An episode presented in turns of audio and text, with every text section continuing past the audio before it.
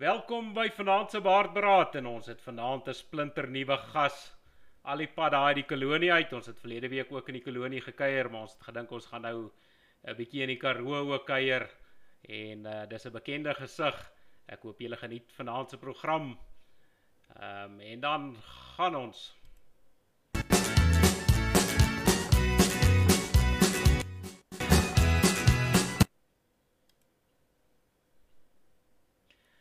As hy baie welkom by ons Tian. Ons is bly om jou vir die eerste keer in Baardberaad te hê. Al het dit nou 22 episode gevat. ja, dankie albei Nancy, Nancy ook en al die ouens wat ingeskakel is. Dis lekker om hier saam met jou te kuier en ek sien uit daarna vriend. Baie dankie vir die uitnodiging. Ja, daar sê ehm um, ek ons het so vlugtig gesels. Uh, hoe lyk dinge daar by jou in die Karoo reën gewys? Ons weet baie van die ander manne het al goed reën gekry. Uh, maar ek weet jy jy bly daar op 'n op 'n plek wat nog 'n bietjie problematies is. Alwen ja, die probleem is mos nou maar die Karoo is mos 'n groot plek. Ek meen uh as uh, as as Appington se rivier loop in in in uh Beaufort Wesse dam is vol beteken dit nou nog nie die Karoo erin gekry nie. Uh maar ja, ons is dankbaar vir al die ouens wat al ietsie gehad het. Maar nee, daar's groot dele wat nog oorgeslaan het, vriend. Hier is groot groot dele waar die moeilikheid nog groot is. Uh ouens wat bitter min tot niks gehad het nie. Ek myself het nog so 'n bietjie oorgeslaan. Hier's dele wat so 'n bietjie beter is streepies wat 'n 5 en 'n 10 en 'n 15 mm op 'n stadium gehad het. Ehm uh, maar wat ons is nog agter. Ons is nog ver agter, maar ons wag geduldig. Ons wag nou al 5 jaar. Ons kan nou maar nog 5 weke wag. Maar kom ons hoop hy kom gouer as later. Ons het hom nou nodig. Ons is Ek het vir die ouens gesê as ek nou nog een video van 'n vol rivier sien wat loop en 'n dam wat oorloop, loop ek saam. Ek wil dit nou nie meer sien nie. Ja nee, ek ek het nou um, na jou na, laaste opmerking het ek nou maar gesê ek gaan nou nie ek gaan nou nie spog oor hoe my reënmeter lyk nie. Ek sal maar dit vir myself en vir die ander ouens hou. Ek wil jou daarom nou nie in 'n depressie inkry nie. ja, nee, die Vrystaat vir alou Johanna en Bloemfontein, hy sê vir my as ek met hom op praat dan uh, nee, die Vrystaat is 'n uh, is 'n is 'n swembad. Die ouens kry baie baie reën. Maar ons wag, ons wag geduldig. Ek het vanoggend weer 'n redelik betroubare weervoorspelling gelees wat die ouens nogal redelik akkuraat is en ehm um, hulle voorsien nog baie reën hier af na Maart, April maand toe. Nee, ek moet nou sê as as ek hierdie ding hier op die telefoon kyk wat die reën voorspel het ek nou al gesien. As die ouens wegspoel reën voorspel, dan weet ek ek kan maar doen wat ek wil want hier val nie 'n druppel nie, maar as die manne sê ons kry nie reën nie, dan kry ons groot reën. So jy weet ek ek ek, ek vat hom maar so die teenoorgestelde van wat die weerprofete sê.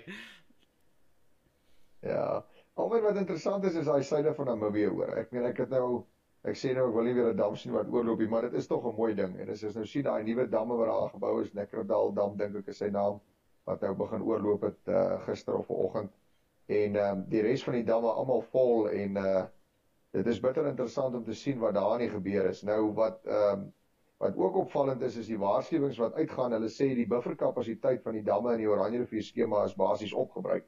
So die benede Oranje kan dalk kan dalk groot moeilikheid hê later in die seisoen as gevolg van die riviere wat reeds vol is en die damme wat wat basies almal ook omtrent al vol is.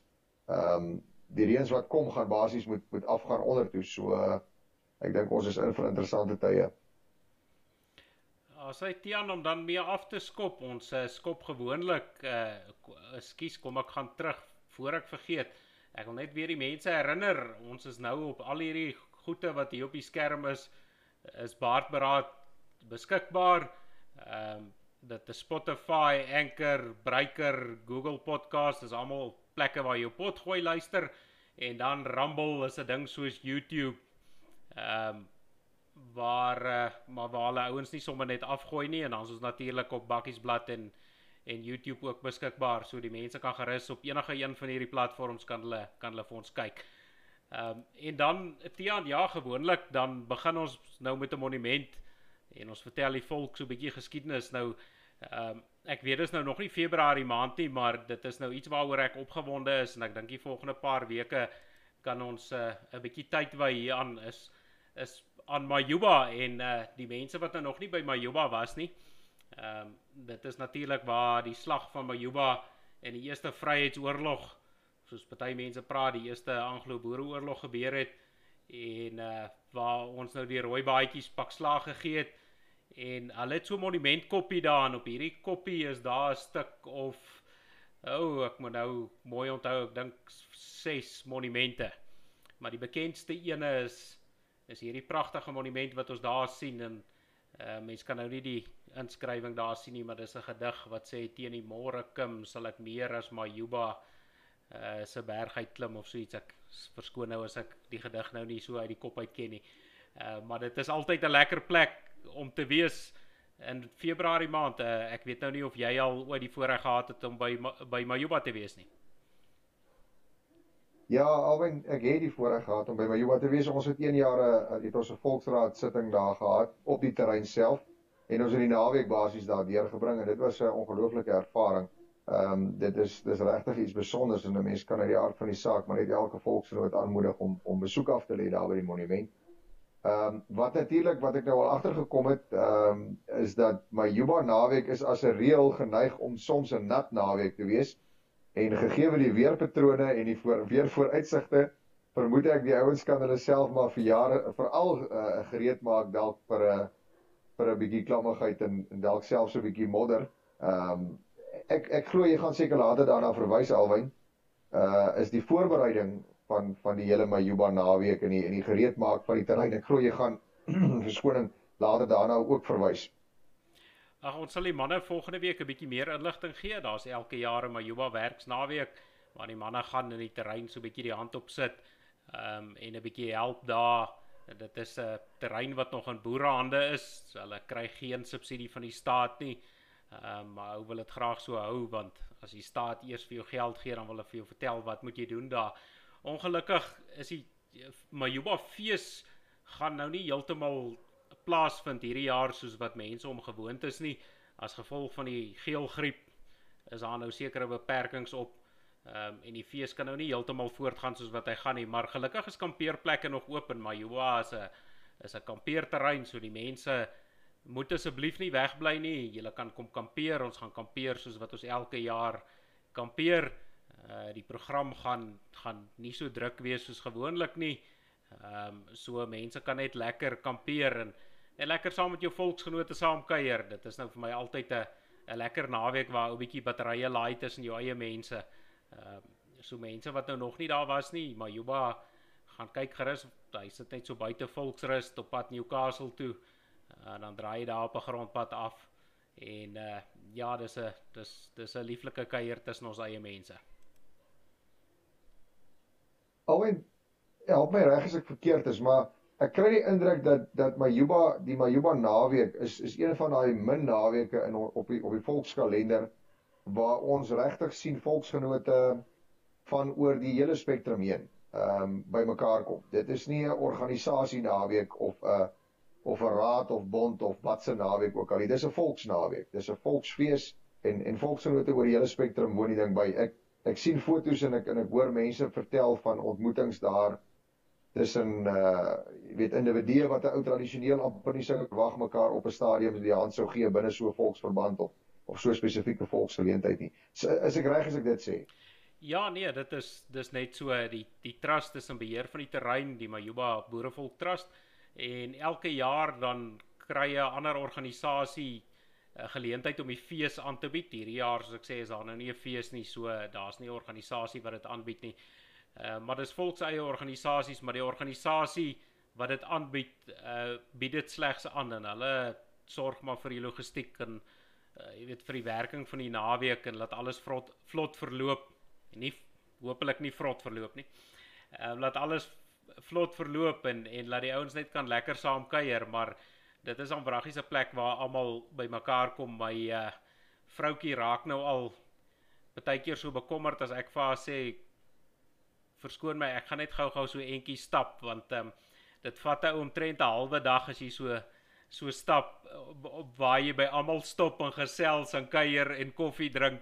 En uh jy weet baie mense sien mense nou een keer 'n jaar en dis by Majuba en uh, dit is ag dis net 'n lekker 'n lekker kuier tussen volksgenote en die manne op die perde en die kinders wat klei laat speel en in die dammetjie en die modder speel en ag dit is dis net 'n dis net 'n lieflike volksfees ek dink daar's nie daar's nie 'n volksfees in die land wat sy gelyke het nie So elkeen uh, wat nog nie daar was nie gaan doen gerus ehm um, moeite om daar uit te kom. Dit is die laaste naweek in Mayu of laaste naweek in Februarie maand. Ek het nou nie die datums hier voor my nie, maar ek dink die 27ste val op 'n Saterdag as ek dit nie mis het nie. So dit sal daardie naweek wees. Ja.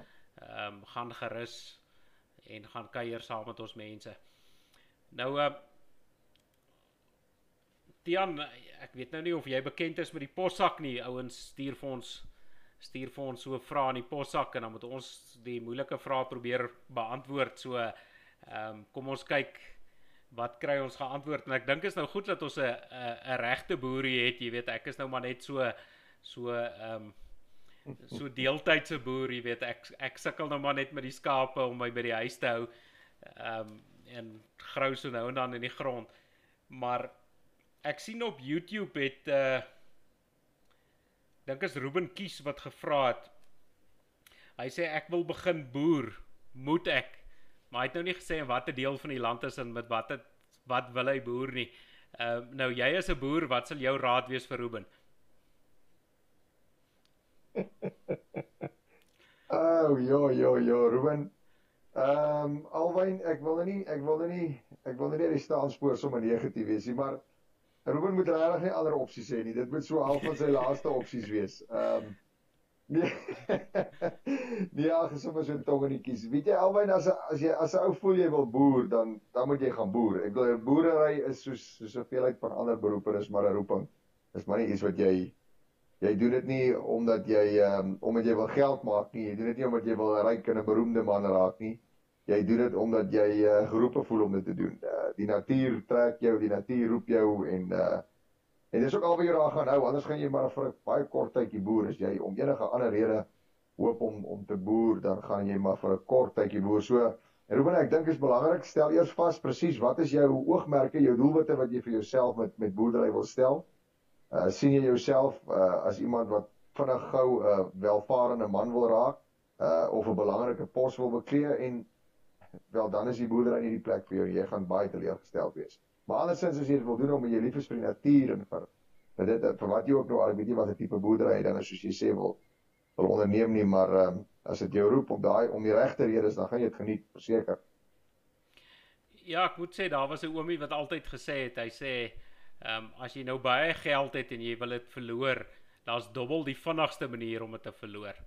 Ehm um, vrouens is die lekkerste manier om dit te verloor. Maar boerdery is die sekerste manier om dit te verloor. Daarom ek wil nou nie negatief wees nie, maar ja, ou moet maar jou huiswerk mooi mooi in plek kry voor jy daai perd opsaal. Ja, interessant van boerdery is die is die siklusse waardeur ons gaan. En ehm um, as jy nou, maar nou is dit so as jy wil as jy wil die die goeie jare vang, dan moet jy met die slegtes ook tevrede wees. Maar ek dink ons is nou in 'n redelike positiewe siklus. Ons is in 'n opwaartse kurwe nou uh, wat die landbou aan betref. Uh, ons het dit ook gesien die afgelope jaar 2020 die verskillende ekonomiese sektore wat landbou een van die uh, ek, ek dink dit was die enigste sektor wat basies groei getoon het. So ons is in 'n redelike opwaartse kurwe. Dis dalk 'n goeie tyd vir ou om te begin, net om jou voete te vind, maar daarmee jou gereed maak vir 'n vir 'n groot ontnigtering. So uh, ja, maar ek wil nie vir Ruben negatief maak hier alwy dalk is hy die volgende die volgende groot kosprodusent van Suid-Afrika. So asseblief Roan, gaan daar voor as jy wil en wat.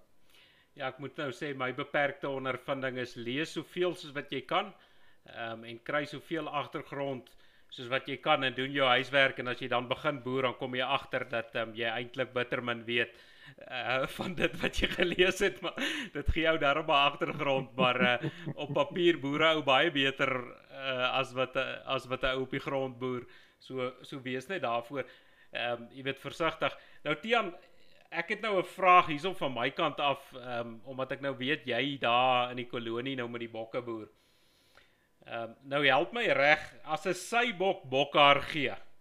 Gee haar bok dan sy. Jy weet hoe werk hierdie bedryf of of is 'n is 'n sybok en 'n haarbok nou 'n manier van uh, julle kolonialers om te praat van 'n ram en 'n ooi. Hoe werk hierdie besigheid?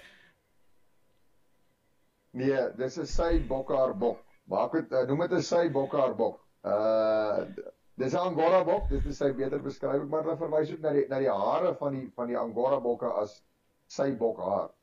Uh so nee alwen dit is daai is die verskillende goed hier en die bok gee ook nie sy nie en die sy gee ook nie bok nie so uh die die Angora bok gee sy bok haar. Uh dit is 'n ingewikkeld genoeg boerdery. Ons kan nie nog verward raak met terminologie en watter woord kom voor en watter een kom agter nie.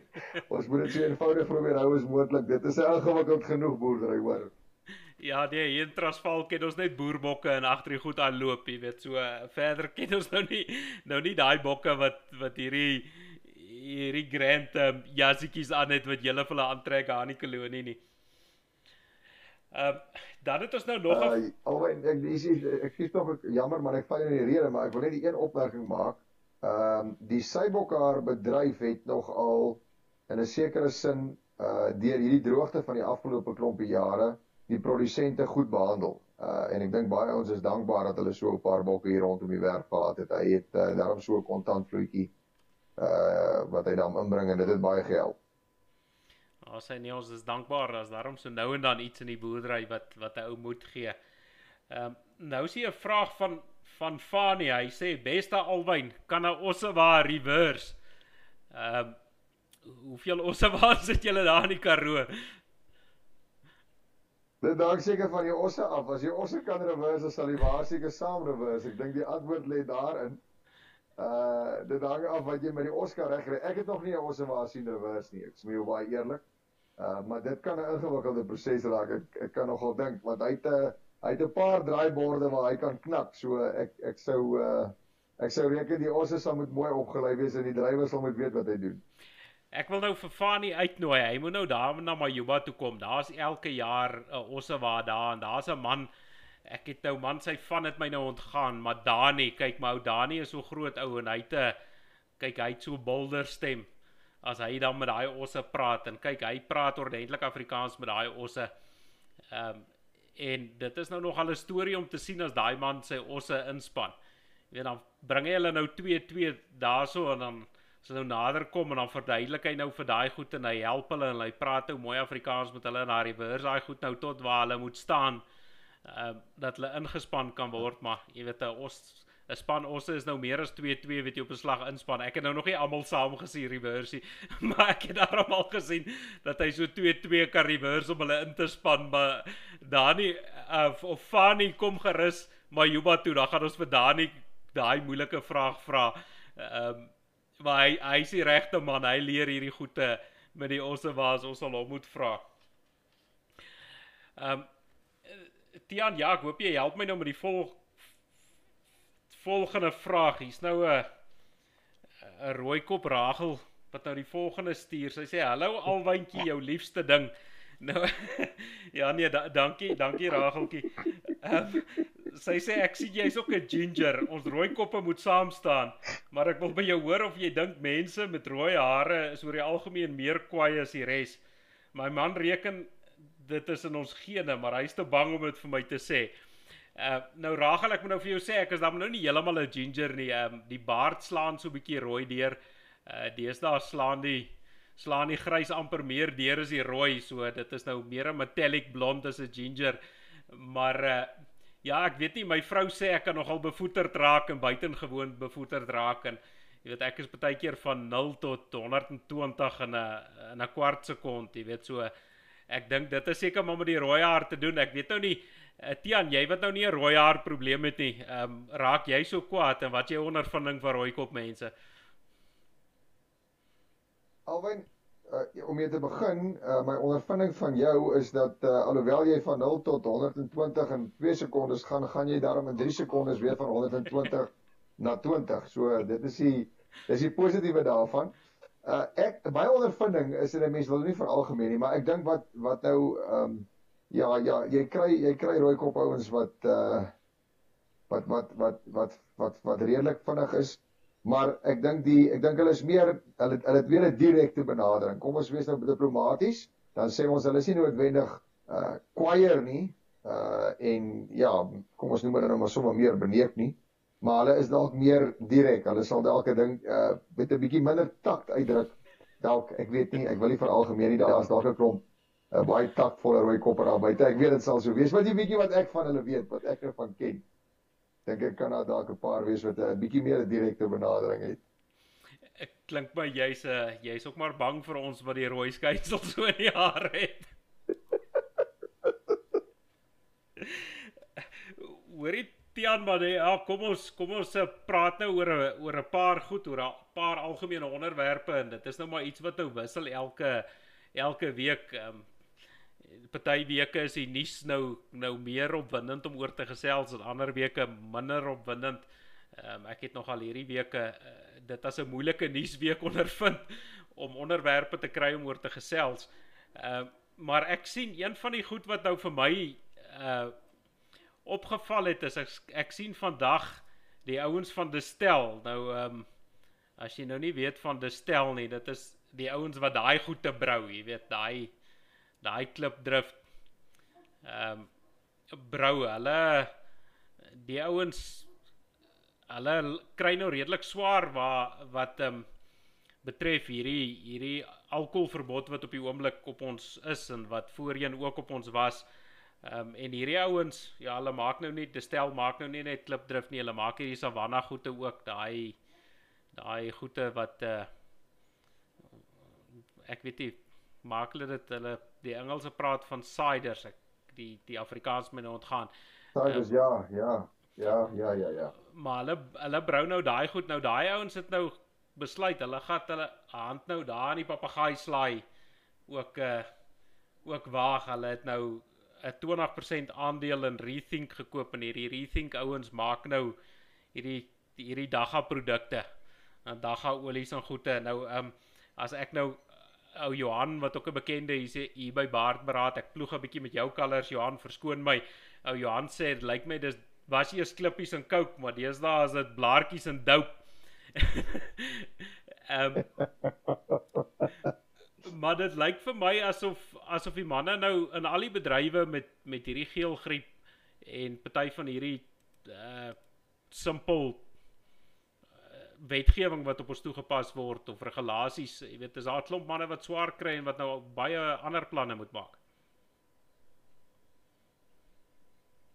Ek dink alwen die die die stel wat hy eintlik maar doen is hy hy bly by sy kernbesigheid en dit is om te kyk uh, om 'n produk in die mark te sit wat uh, wat wat die populasie 'n bietjie laat ontsnap van hulle aardige werklikheid uh, in hierdie geval dan nou maar net in 'n bietjie ander vorm. So uh, ek dink hulle bly by hulle kernbesigheid maar nee jy is heeltemal reg vriend ek weet jy kan nou dink jy kan nou dink ek meen dit is 'n uh, dit is letterlik 'n lewensaar wat afgeknip is uh, ek uh, dit is dit is as amper ondenkbaar om om in so 'n situasie op te eindig. En uh, en daarmee saam, ek het in die ander stel genoem, dit is 'n reuse maatskappy met duisende mense in diens. En ehm um, dis maar een skakel in hierdie hele waardeketting wat nou op hierdie manier geaffekteer word. Ehm um, ek wat nou hier in die uh kolonie soos jy dan nou verwys uh woon. Ehm um, die wynouens hier na die Bolandse kant toe, dis dis mense wat uh goeie vriende daar in die wynbedryf ehm um, die die ding raak hulle dis is 'n enorme impak op hulle op hulle op hulle bestaan en en saam daarmee dan gaan jy verder al die diensverskaffers aan hulle en en daai hele waardeketting is op sy knie. So ek kan verstaan dat dit stel uh daai roete gaan. Ek weet nou nie wanneer op een of ander regulasie nou daai soort twak ook verbied nie. Hy het nou al die ander soort twak in die verlede verbied. Maar uh die lagtwak is op hierdie stadium nog op sy plek. Uh, ek weet net dis baie makliker my ondervinding is baie makliker. Ek weet op plase en staan daar sommer gereeld hier tussen die werkershuise staan daar maar sommer van daai plantjies en dan gaan die ou nog gaan pluk en maar dood gewoon vir hom daarvan. So hy's ek dink hy's meer algemeen bekombaar noodwendig as klipdrif. Ehm um, maar ja ag nee ons harte kan maar net uitgaan hier ons toe en ek dink ek dink hulle is op 'n punt waar hulle hulle gaan desperate goed moet begin doen want hulle bevind hulle in 'n desperate posisie Ja, Tian, ek ek wil nou vir jou ja, ek, ek wil die ek wil die mense nou wat nou wil ontsnap, ehm um, sê ongelukkig gaan hulle nou nie heeltemal kan ontsnap van hierdie goed nie. In Suid-Afrika, mense kry nou, jy sien ek is nou amper 'n papegaai slaai kenner. Ehm um, kry jy wat hulle nou hierdie olies maak, maak hulle twee goed. Die een is uh verskoon maar nou die Engels, ek weet nou nie wat se Afrikaans jy ou kry nie baie Afrikaanse goed hier hoor nie, maar 'n CBD, dis nou die goed wat hulle help en dit of olies van maak en dit uh help vir inflammasie en hulle verduidelik vir 'n klomp goede wat dit help, maar dit is nie die goed wat jou wat jou pink olifantjies laat sien nie. As hulle daai goed pink olifantjies laat sien, ek sien die ouens het al verduidelik, dan moet jy daai spulle spulletjie nou warm maak En uh jy weet dan kry jy nou THC en dit is nou die goed wat jou die pink olifantjies laat sien, maar die die THC gedeelte van die ding, dis nou nog onwettig in ons land, so jy kan net die CBD kry, so dit is nou nie goed wat wat jou gaan laat um, snaakse snaakse snaakse goede sien nie. Ehm um, en jou laat vergeet van van wie jou ouma was nie. Maar uh ja, maar nou interessante ding is ek sien hulle sê die die dagga industrie daar word verwag dat dat ehm uh, die bedryf so 14 miljard rand uh vir die jaar gaan gaan wees. Ehm um, en dan reken hulle dat dat dit sal groei in 2024 wat 3 jaar weg is dat dit gaan groei tot 28 miljard rand per jaar. So dis 'n dis 'n enorme klomp geld wat die ouens uit hierdie groen goed uitmaak. Ja, en en ek dink alwen wat ons daarmee maar vir mekaar kan bysê, ehm um, is dat dit het ook maar baie te doen onthou daai daai geld moet ook nou maar ergens anders vanaf kom en dit gaan heel waarskynlik ergens moet iemand daai verlies ly. Dis nie asof dit 'n uh, 'n geval is van van nuwe kapitaal en welvaart wat nou geskep word nie. Uh, dis geld wat in tradisioneel elders spandeer is. So ergens gaan iemand anders moet bloei sodat hierdie industrie so kan groei. Maar maar kom ons sê vir mekaar, die medisinale waarde daarvan is dis wonderlik as mense dit kan gebruik en hulle kan uh, ek weet van baie mense wat dit met met groot sukses en dit help hulle baie hulle gebruik dit en hulle hulle hulle hulle glo dit dit werk. So um, ek weet van 'n goeie vriend van ons, ek en jy al twee weet uh, van van mense wat wat hierdie goed gebruik het en en hier op die einde hulle was kankerpasiënte en op die einde van hulle lewe hier waar hulle tradisioneel dan nou eintlik baie swaar kry het die uh het die medisinale medisinale waarde van hierdie uh van vandag af vir hulle baie beteken. Maar ehm um, maar ek sê weer om terug te kom by die stel ek dink nie die stel sou in die in die dagga industrie ingegaan het as dit nie was dat hulle dat hulle daai reuse verliese gelei het as gevolg van hierdie onsinnige regulasies waaronder waaronder hulle nou by die stadium gebuk gaan nie Ja, ons het nou maar geraak aan aan een van van die groot drankmaatskappye. Uh maar hierdie soos jy nou gesê die die wynboere daar in die Boland en ehm uh, jy weet almal wat wat enigsins met drank te doen het, al daai ons kry nou swaar en dan moet ou weet hierdie ding kring baie verder uit. Ek lees nou vandag dat uh die glasvervaardigers, ouens soos Konsol ehm uh, jy weet ek ek weet julle jy sal nou weer daar op die plaas, die boere mense sal nou hierdie Ons het altyd gepraat van canned fruit bottles. Nou daai konsol het hulle vervaardig, maar hulle vervaardig nie dit nie, hulle vervaardig bierbottels en alles. Uh nou lees ek vandag dat hierdie ouens sit ook met 'n groot probleem. Hulle reken dat hulle so ehm um, 8 miljoen rand per dag, dis nou die al die glasvervaardigers wat hulle verloor per dag want daai oonde van hulle kan hulle nie net sommer afsit nie. As hulle daai oonde afsit dan stol daai klomp glas en uh dan uh jy weet dan dan het hulle groot skade op hulle masjinerie en om al daai goed skoon te maak gaan ek dink hulle het verduidelik gaan so omtrent 1.5 miljard rand kos as hulle nou daai goed moet afsit en al die masjiene skoon maak. Maar nou reken hulle daai klomp bottels wat hulle nou maak ehm um, in 3 dae dan vul dit 'n pak hy so groot soos 'n rugbyveld. So die ouens begin nou baie geld spandeer op op stoorkoste want hulle kan nie ophou bottels maak nie. Alhoewel die vraag na bottels nou nou skielik weg is, probeer die ouens nou minder maak, maar nog steeds kan hulle nie die masjiene afsit nie. Hulle moet die goed darm so laat hardloop dat die proses bly aangaan en en dit klink vir my asof daai ouens nou ook baie baie groot verliese ly. En dan daai 8 miljoen rand wat jy na verwys, dis dis die bedryfskoste wat hulle wat hulle nou verloor. Vergeet nou van die van die wins wat hulle inboet. Ehm um, nee, alwen dis enorme e, enorme bedrae waarvan ons praat. Dis miljarde rande se se verliese wat gelei word en nou kan jy dink die hoeveelheid mense wat nou by daai fabrieke gewerk het wat nou uiteindelik ek bedoel as jy nou uh elke 3 dae 'n pakkie so groot soos 'n rugbyveld se voorraad uh, produseer wat jy nou ergens moet stoor as die mark uiteindelik weer oopmaak en die en die goed die bottelerings uh kan voortgaan dan beteken dit daai fabrieke sit met 'n klomp surplus voorraad so die goed kan nie weer op op 100% kapasiteit loop nie vir 'n aansienlike tyd die toekoms in. So dis werksverliese en en en. Ehm um, die ding hoop net op en dan ek ek weet nou spesifiek hier in die in die die ouens in die wynbedryf soos ek sê baie van hierdie boere wat regtig hard beklei om te kyk of hulle nie iets kan red wat te redde is nie. Hulle verwys gereeld dan nou na na die ouens verder af in hierdie vervaardigingsketting uh, wat dan nou verliese lê. En een daarvan, jy het nou die glasouens uitgewys, is een daarvan is onder andere ook die kurkvervaardigers. Hulle is ook ouens wat op hierdie stadium baie seer kry. En dan ook al die dienste wat wat dan nou vir die vir die produsente gelewer word. Jy praat van trekkermaatskappye, gif, al daai soort van ouens.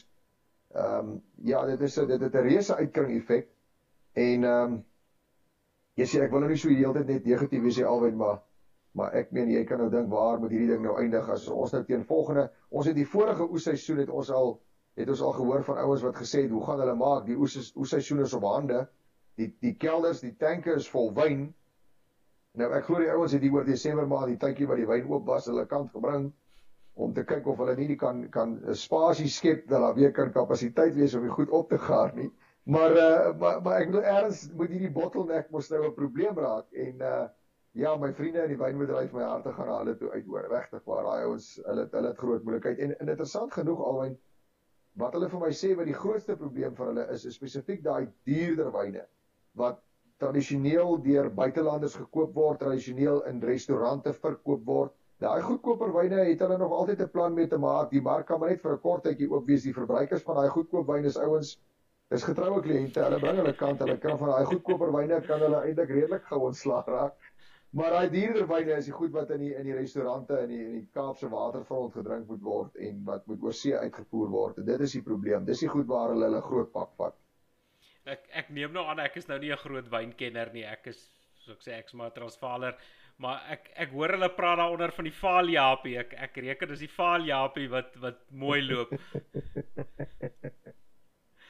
Ja, daai daai perde wat jy kan nie regtig die onderskeid tref tussen of dit nou asyn of wyn is nie. Uh maar dit maak nie saak jy moet net reg maak, dan is dit reg. As jy reg maak, dan is dit reg. Ja, Tian en ons ons praat nou in die hele wynbedryf, maar jy weet uh, dit dit het ook 'n groter ekonomiese impak as as bloot die wynbedryf. Ehm um, ek het so 'n bietjie in die bedryf wat ek is ehm um, is bietjie gekoppel aan die konstruksiebedryf nou Konsal was van plan om 1.5 miljard rand te spandeer om nuwe infrastruktuur te skep, nuwe smelteroonde. Ehm um, ek kan nou nie onthou nie, ek dink is die eerste smelteroonde of die eerste sou die eerste nuwe smelteroonde en ek dink bykans 10 jaar gewees het wat hulle nou gebou het en nou natuurlik met hierdie is daai hele projek van die baan af so ehm um, jy weet ou kyk nou weer na konstruksiewerkgeleenthede al die goed wat wat daar rondom gaan. Ehm um, jy weet die grondverkope en en en jy weet so die ding het nie net 'n uh, impak op op 'n spesifieke bedryf nie. Dit raak naderhand aller ander bedrywe in hierdie jy weet hierdie rimpel effek raak naderhand in die dam raak baie groot. Dit dit raak baie meer mense en dit raak baie wyer as as uh, die ou wat nou net net wyn drink. Dit is dis dis eintlik as hy al hierdie goed so lees dan dan is dit eintlik skrikwekkend. Kyk alwen dit is natuurlik die uitdaging waarmee ons sit. Die die regerders van die land ehm um, soos hulle self dan nou noem.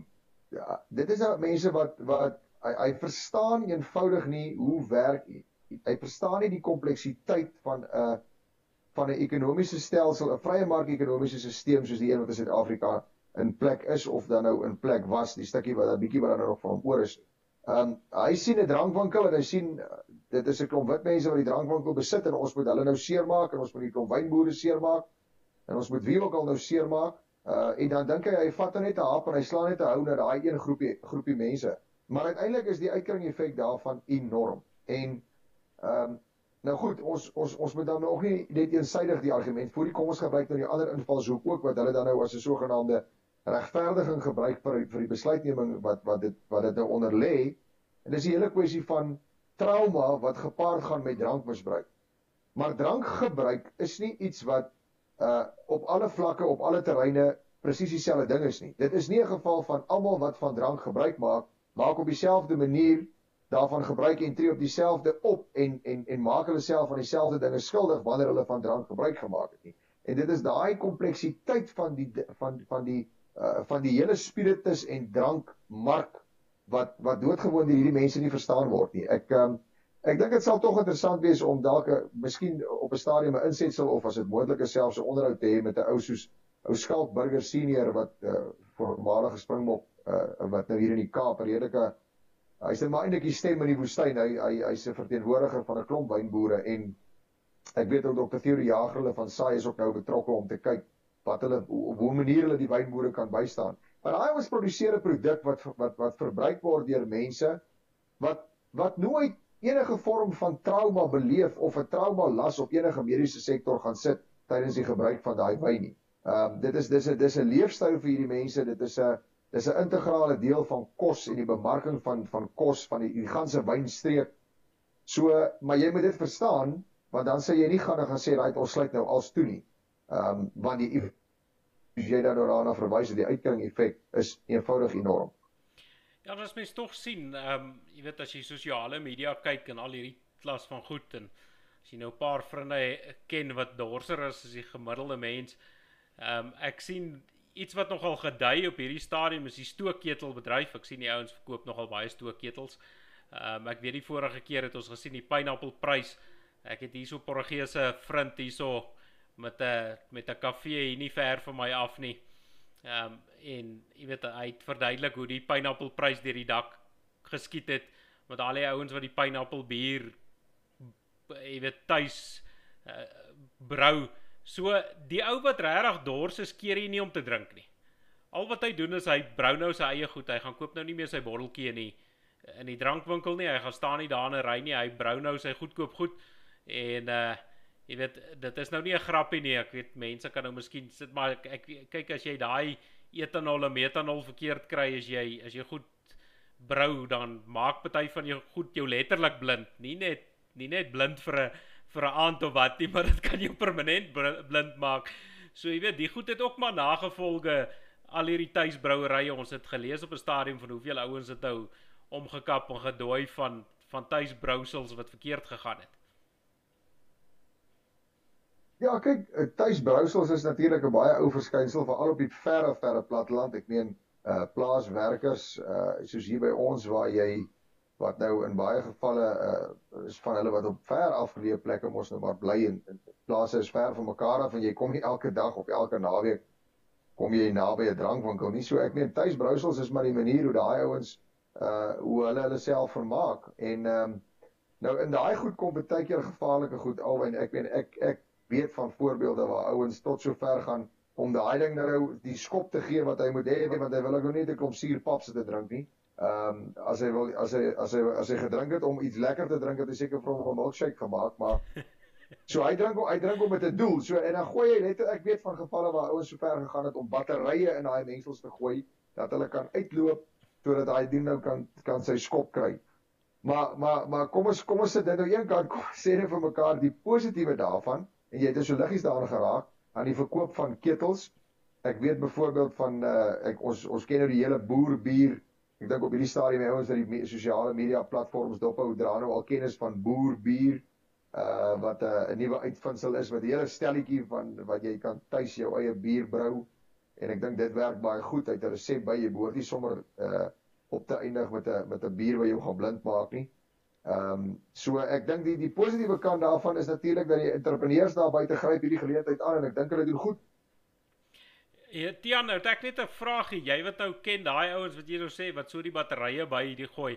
Is dit nou hoekom hy hier so halfnag gaan lê is, is die batterye dan pap? ja. Ja, dis nou nie daai uh, ever is dit ever ready wat daai hassie gehad het of ek kan nou nie onthou wat hulle daai hassie gehad het nie. Party van hulle sal seker soos die hassie reageer en die ander se batterye sal pap raak, maar ek wat daai naam is daai hassie, ek is nie presies seker nie, maar dis dalk die rede hoekom hulle soos party soos hulle soos hassies gedra.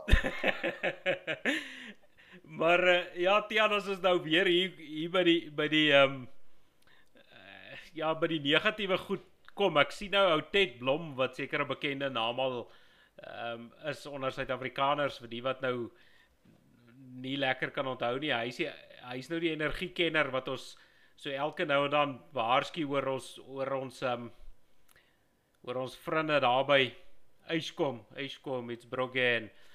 Ehm um, jy weet nou ek sien hy reken nou dat Eskom Ehm um, hierdie jaar wat op ons wag, dit is nie net die geelgriep en die simpel regulasies wat ons uh wat wat ons gaan plan nie, maar reken daar's 'n 50% kans dat ons by fase 6 beerdkrag gaan uitkom hierdie jaar. Hy sê en ons kan van so ehm um, so keer of wat hierdie jaar ook na fase 8 toe gaan. Nou uh ek het so vinnig geloer. Ek het so 'n toepassing op my telefoon wat verduidelik nou hoe lank is jou krag af van fase 8, maar fase 8 beteken dat jy uh, kortom omtrent uh jy weet meer as 12 ure 'n dag sonder krag gaan sit. Ehm um, jy gaan net die helfte van die dag krag hê en die ander helfte nie. Ehm um, ek dink dit dit is nogal 'n redelike bekommernis veral vir besigheidseienaars wat uh jy weet wat wat van krag ehm um, gebruik moet maak om om 'n lewe te maak. Ek ek dink alwen wat interessant is, kyk onthou ons moet die ou moet soos Ted byvoorbeeld nou hy's 'n absolute soos jy sê, hy weet presies waarvan hy praat en hy hy sal hierdie tipe van projeksies vir hom nie maak of voorspellings vir hom nie maak sonder dat hy dit deeglik nagevors het nie. Maar ek dink dit gaan hier grootliks ook oor aanvraag en as ons vir mekaar sê dat uh, dat hierdie regulasies uh, gaan voortgaan om 'n stremming op die ekonomie te sit, dan beteken die aanvraag vir vir elektrisiteit gaan noodwendig kleiner wees. Ehm um, en en en en dan om een of ander rede kry Eskom dit reg om wat ook ek dink die soortgelyke so soortgelyke gevare het so 2 jaar terug ook al bestaan dat ons noodwendig ek weet dat dit gelyk het of ons afstuur op hierdie op hierdie totale ineenstorting van die netwerk en dit is toe nou uh, op 'n manier dat hulle dit reg om te verhoed dat dit gebeur. So ek is nie ek is nie te skepties dat ons noodwendig by 'n fase 8 gaan kom nie, maar goed, die moontlikheid bestaan. Ehm um, nou kan jy nou vir jouself afvra, ek bedoel die, hoeveel industrie is daar nou wat in 'n in 'n veelheid van opsigte totaal afhanklik is van Eskom krag? Ehm um, hy raak eenvoudig buite vir die feit dat hy dat hy nie meer bekombaar is, hy raak hy ook onbekostigbaar. Ehm um, so die positiewe kant daarvan nou weer eens en ek het nou vriende en selfs familie wat in die in die hernubare energie sektor 'n bietjie werksaam is.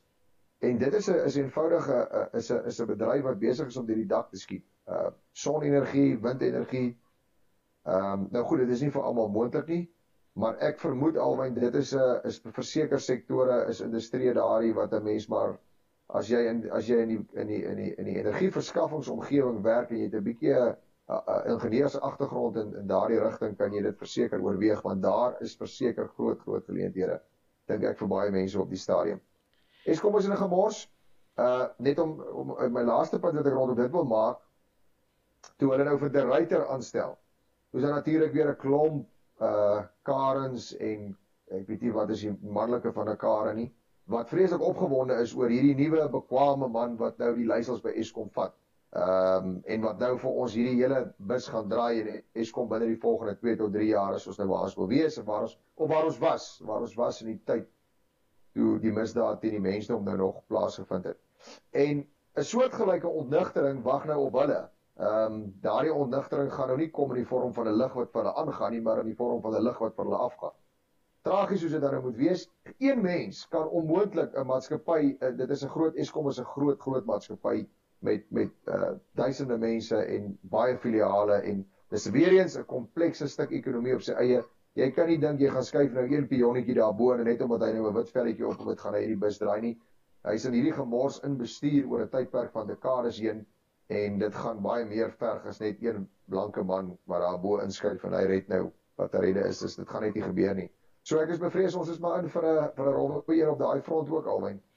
Ja, ek moet nou sê Tian, ek wat nou hierso naby aan Sorom en Gomorra bly is die geneek nou nogal as hy inry stad toe met hierdie beerdkrag. Ehm uh, dan sien helfte van die verkeersligte af. Hulle sit hom so in sulke streke af van elke streek.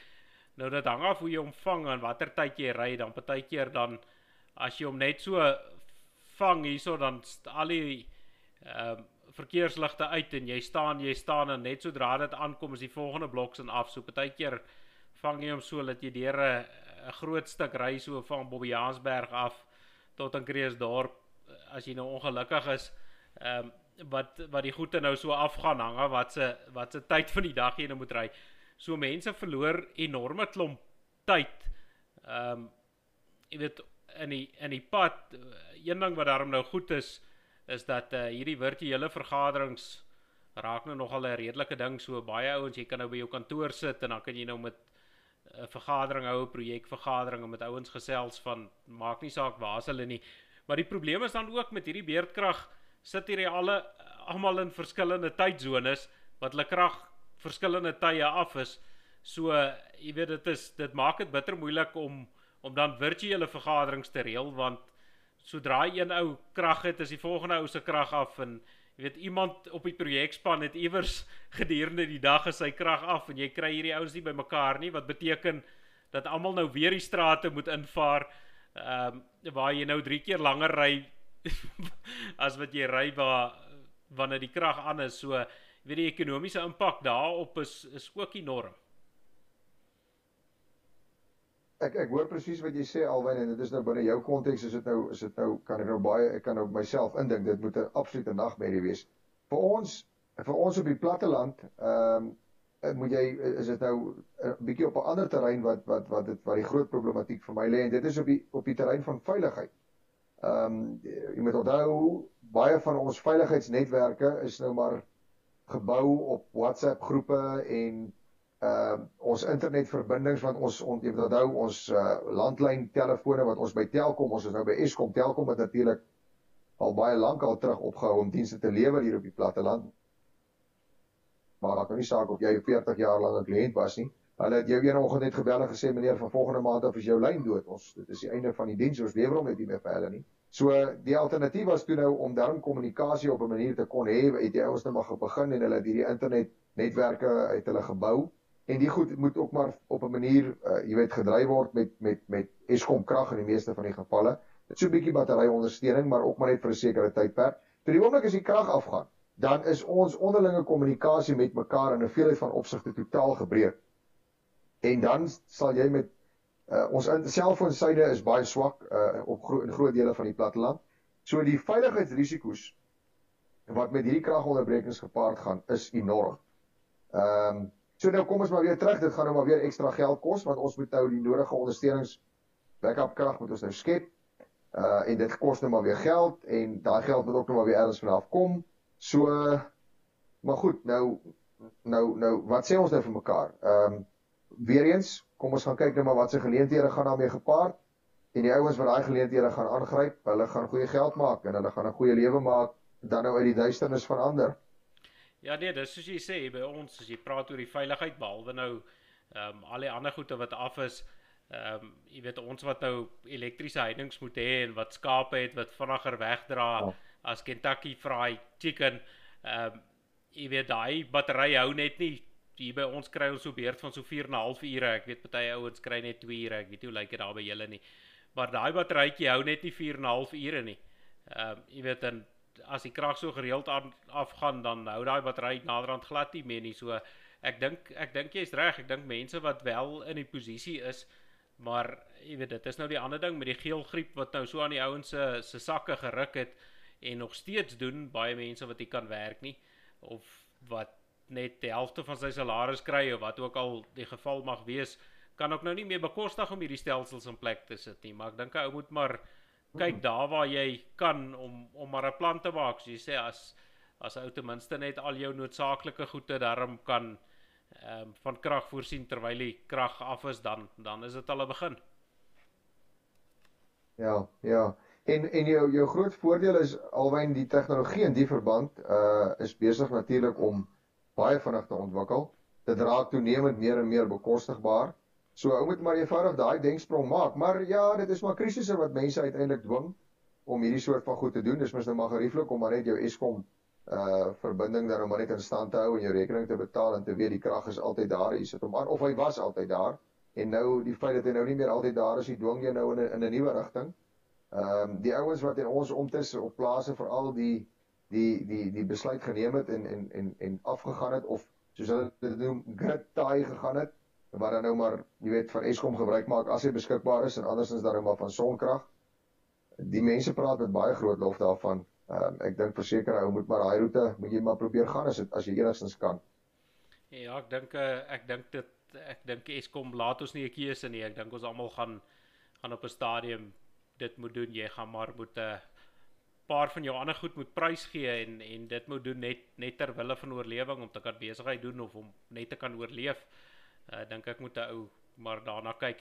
Maar Tiaan terwyl ek en jy nou hier sit en gesels, dink ek uh Kamelaar Cruiser ehm um, is nou al die ingelyf as die visiepresident daar van Amerika en uh daai ou wat so aan alles snyf, ou ou ou uh Joe Mompelmont, hy seker nou al as president ingehuldig.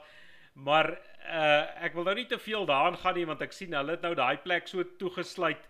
Uh, man dit lyk erger as C-Max hier by ons. Hulle wil hê niemand moet daar naby kom nie. Ehm um, dit is nou nogal snaaks as jy nou sê jy's deur die mense verkies het jy so bang is vir die mense, maar uh, ek dink dit gaan nou maar die wêreld oor sien mes hierdie goed in Afrika ook veral. Maar een interessante ding wat ek nou vandag raak gelees het, ek sien nou Trompie daar van uh nou Amerika se Trompie, nie Trompie hier van Suid-Afrika nie. Ek sien daar's nou bespiegelinge dat ou Trompie nou sy eie politieke party wil begin. Ehm um, ek weet nie, ek dink hy praat, praat van die Patriot Party of so iets. Ehm um, jy wat ook nou so 'n bietjie doenig is in die politiek ook. Uh wat is jou wat is jou denke oor oor ou Trompie se nuwe party? Alwen ek het my bedenkinge oor dit hoor. Ek ek is bevrees die laaste 14 dae, 3 weke in in sy politieke loopbaan het hy 'n paar kritieke foute gemaak. Ehm um, ek ek is bevrees ek dink nie hy gaan hy gaan verder in die politiek. Ek dink dit is maar sprake wat hy rond te doen soos wat daar baie ander sprake al was. Maar dit sal vir my 'n baie groot verrassing wees as hy verder met die politiek aangaan. Ek ek dink ek dink hy hy het gedoen wat hy wat hy moes doen. Ek dink hy het gedoen wat hy kon doen in 'n veelheid van opsigte. Maar maar ek dink sy tyd in die politiek dink ek is 'n bietjie uitgedien. Ehm um, as as as ek Trompie was, sou ek heel waarskynlik gesê het ehm um, in elk geval vir die nou en vir die hier, uh sou ek net eenvoudig teruggestaan het en die demokrate die uh, die kans gegee het om die foute te maak wat ons weet hulle gaan maak. Ehm um, ek dink net hierdie politieke klimaat op die stadium vir hom is reg. Ehm um, om dis maar my mening. Dis maar my mening om om in die, om verder in die politiek te gaan nie. Ek dink hy gaan hy gaan aanhou om foute te maak, hy gaan aanhou om sy vingers te brand en nie foute wat hy noodwendig maak omdat hy, jy weet, omdat hy omdat dit dom foute is nie. Maar die klimaat op hierdie stadium eenvoudig is net van so aard dat dat 'n ou wat nou vanuit sy agtergrond kom en met sy geskiedenis die afgelope paar maande uh dink ek nie moet hy moet hy dit op hierdie stadium doen nie. Hy moet en hy moet die hele patriot ding en dit is my ervaring ook alwyn ons verstaan, my en jou verstaan van patriot wees en Trompie se verstaan van patriot wees en en uh uh Boris se verstaan van patriot wees is is alles is wêrelde van mekaar verwyder. So ek dink ook nie ek raak onnoodwendig te opgewonde as hy praat van 'n patriot nie. Ek weet nie so lekker of ek noodwendig die patriot gaan wees wat hy wil hê ek moet wees nie. Ehm um, maar dat hy dat hy goed gedoen het en dat dit jammer is dat dit dat dit so moes eindig soos wat dit geëindig het, is verseker so. Maar ek persoonlik dink nie Trompie moet op hierdie stadium met die politiek te ver gaan nie. Ja, een opmerking wat ek nou nogal gemaak het, ehm um, jy weet die een ou se patriot is die ander ou se terroris.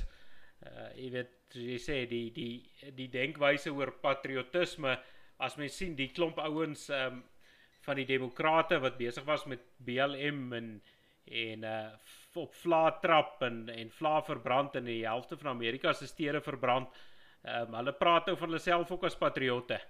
Uh, jy weet so dit is dis eintlik dis eintlik jy weet 'n patriot is daarom 'n 'n wye begrip. Dit dit hang af wat elke ou in sy eie in sy eie verstand vir hom die prentjie ehm um, skets. So uh maar maar ja, dit nou daar gelaat. My my vraag is nou net as ek kyk ek dink ou Trompie is soos ou soos ou Naas Botha.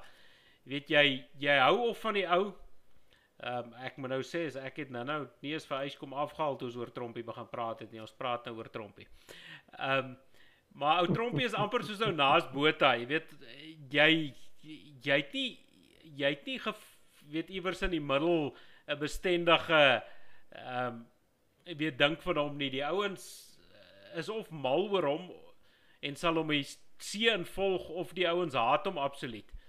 Ehm um, jy weet nou nou dink ek as hy 'n party begin dan dink ek hy sal tog 'n klompie volgers hê wat hom sal volg, maar nou is my vraag is ehm um, ons weet Amerika is nou al vir vir baie jare eintlik 'n uh, eeue uh, maar 'n twee party staat.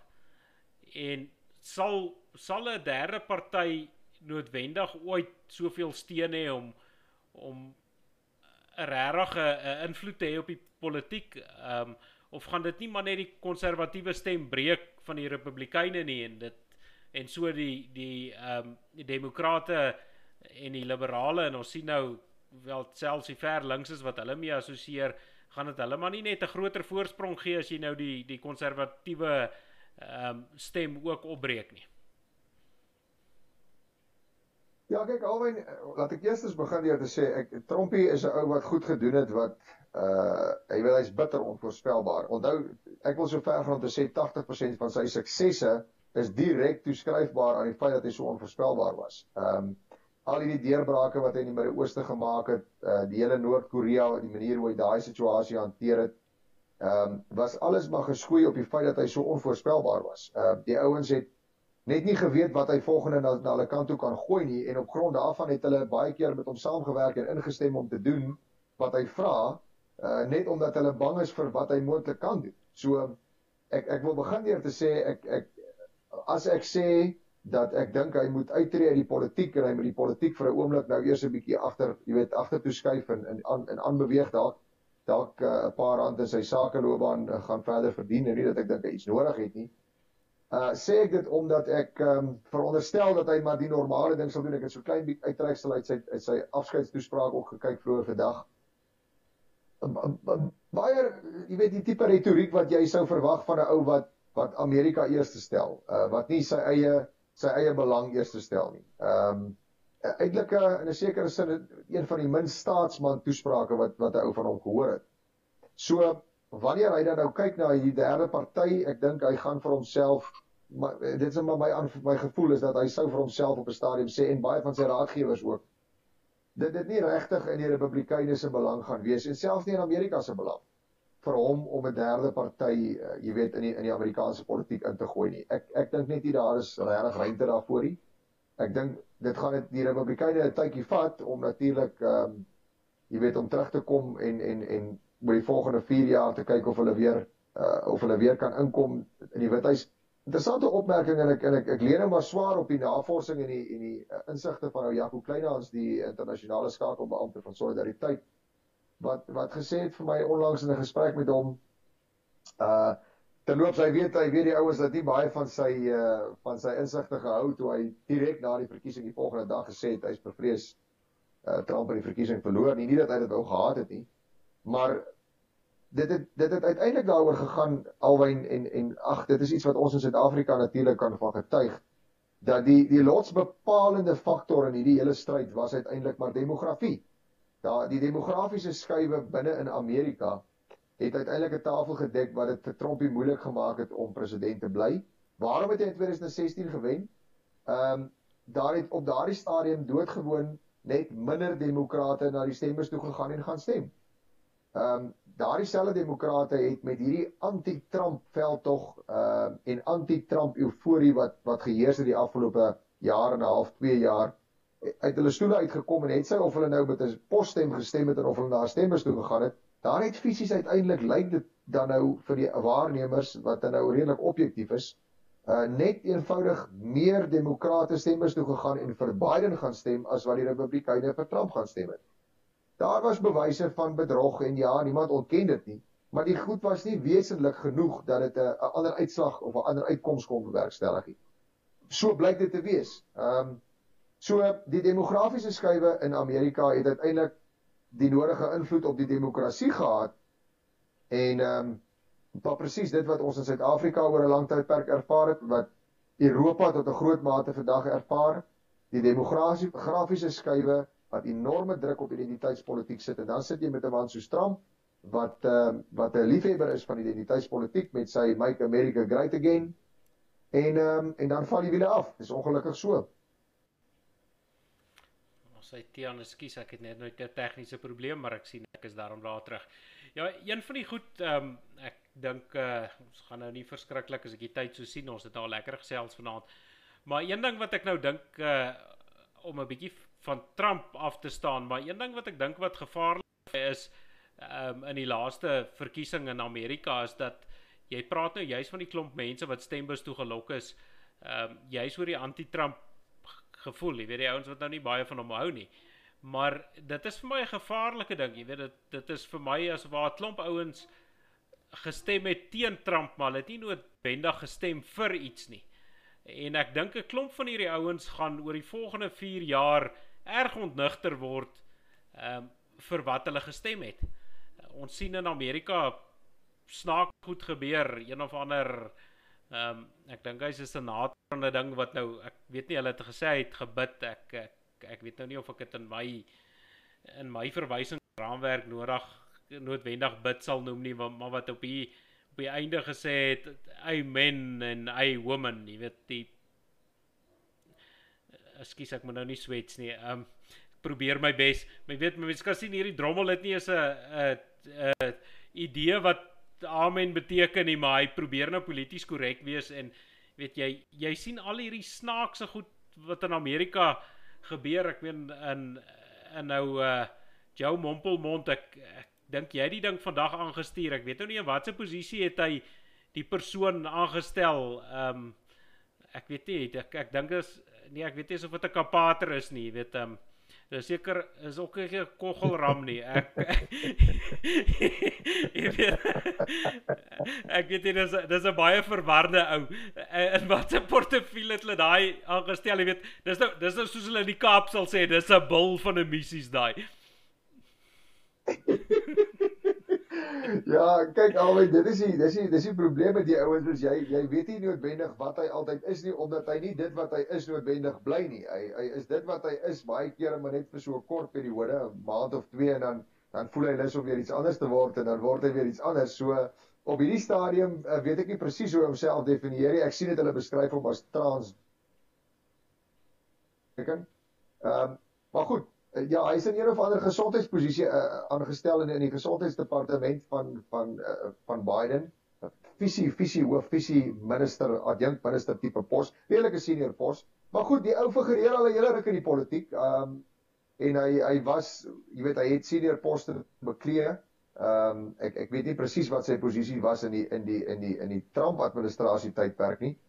Maar dat hierdie tipe van figure natuurlik 'n integrale deel van ons samelewing geword het, is is ook so die die werklikheid natuurlik nou maar net is is dat ehm um, dat met die Biden verskynsel uh moet ons aanvaar dat hierdie goed toenemend meer en meer in ons keelgate afgedwing gaan word en dit gaan al meer en meer ehm um, moreel aanvaarbaar wees dat hierdie soort mense dan nou ons leiers is. Ehm um, of hy nou maak nou nie saak watter wat sy oortuigings dan nou is, dit sal dan nou uiteindelik op die agtergrond skuif.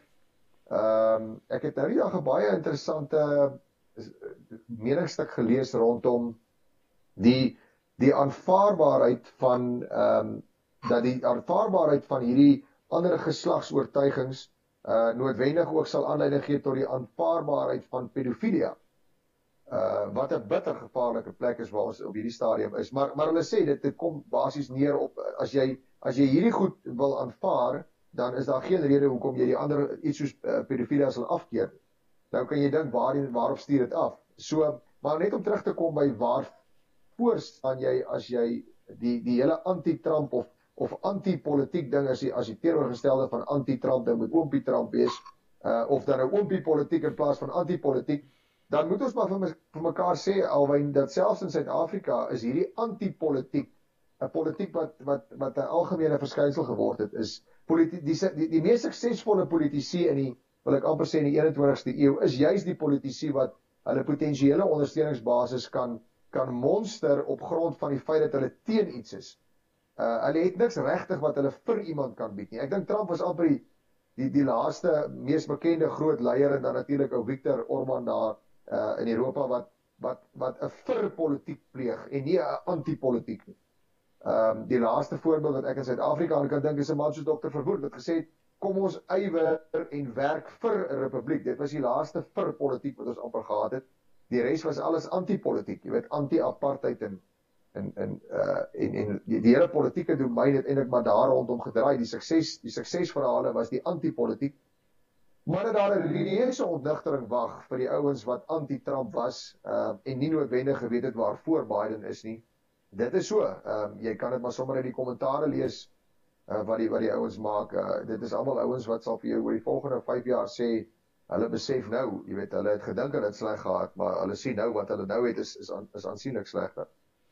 Ja, ek wil net sê in die begin van jou antwoord daarso toe jy gesê het ons leiers gaan so lyk. Like. Ek dink jy vat daai ons dan baie baie wyd oor. ek, ek weet nie, ek dink ek is deel van daai ons in die Hoorie Tiaan, maar ons ons het nog 'n lekker 'n lekker gesels en ek sien dit ons moet nou al hier begin afsluit. Maar nou, nou laat jy my dink aan um, man, ons het op 'n baie hartseer dag vir ons toe ons 'n uh, 'n groot vriend en 'n groot volksman moet gaan begrawe toe ek en jy self saam in in die motor en uh my seun bel toe met 'n met 'n ooi wat 'n lam weggooi en nie 'n lam wil wil vat nie. En ek vra toe vir jou nou, wat is jou raad en jy verduidelik toe nou vir my wat is jou raad? Ek sal dit nou nie op die lig nou so duidelik maak nie. Maar as ek nou so sien hierdie ou wat nou bees laai hierso, ek dink hy hy het lesse by jou boerdery gevat. So ek wil nou net vir almal wat wat nou wat nie weet hoe om 'n beeste sukkel om te laai nie. Al die boere wat daar buite is, as jy nou al gesukkel het om 'n bees op 'n sleepwa te laai, ek ek dink ons almal dat ons klein boere het al gestoei. Uh, vir alles wat sonder 'n drukgang is, maar hier's nou 'n Chinees. Nou kyk ek ek skryf nou nie altyd Chinese goed voor nie, maar hier's 'n Chinees met 'n plan. Dis hoe mense bees laai wat nie wil klip nie jy sit 'n tou sy nek, tel sy potjie voorop en dan verduidelik jy hom. Dit is ja.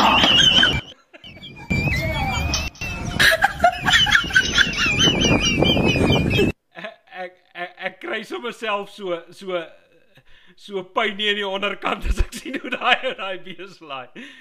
Ja, ek weet nie wat is jou ondervinding van beeste? Het jy net bokke daar of of, of sukkel jy met beeste nou en dan?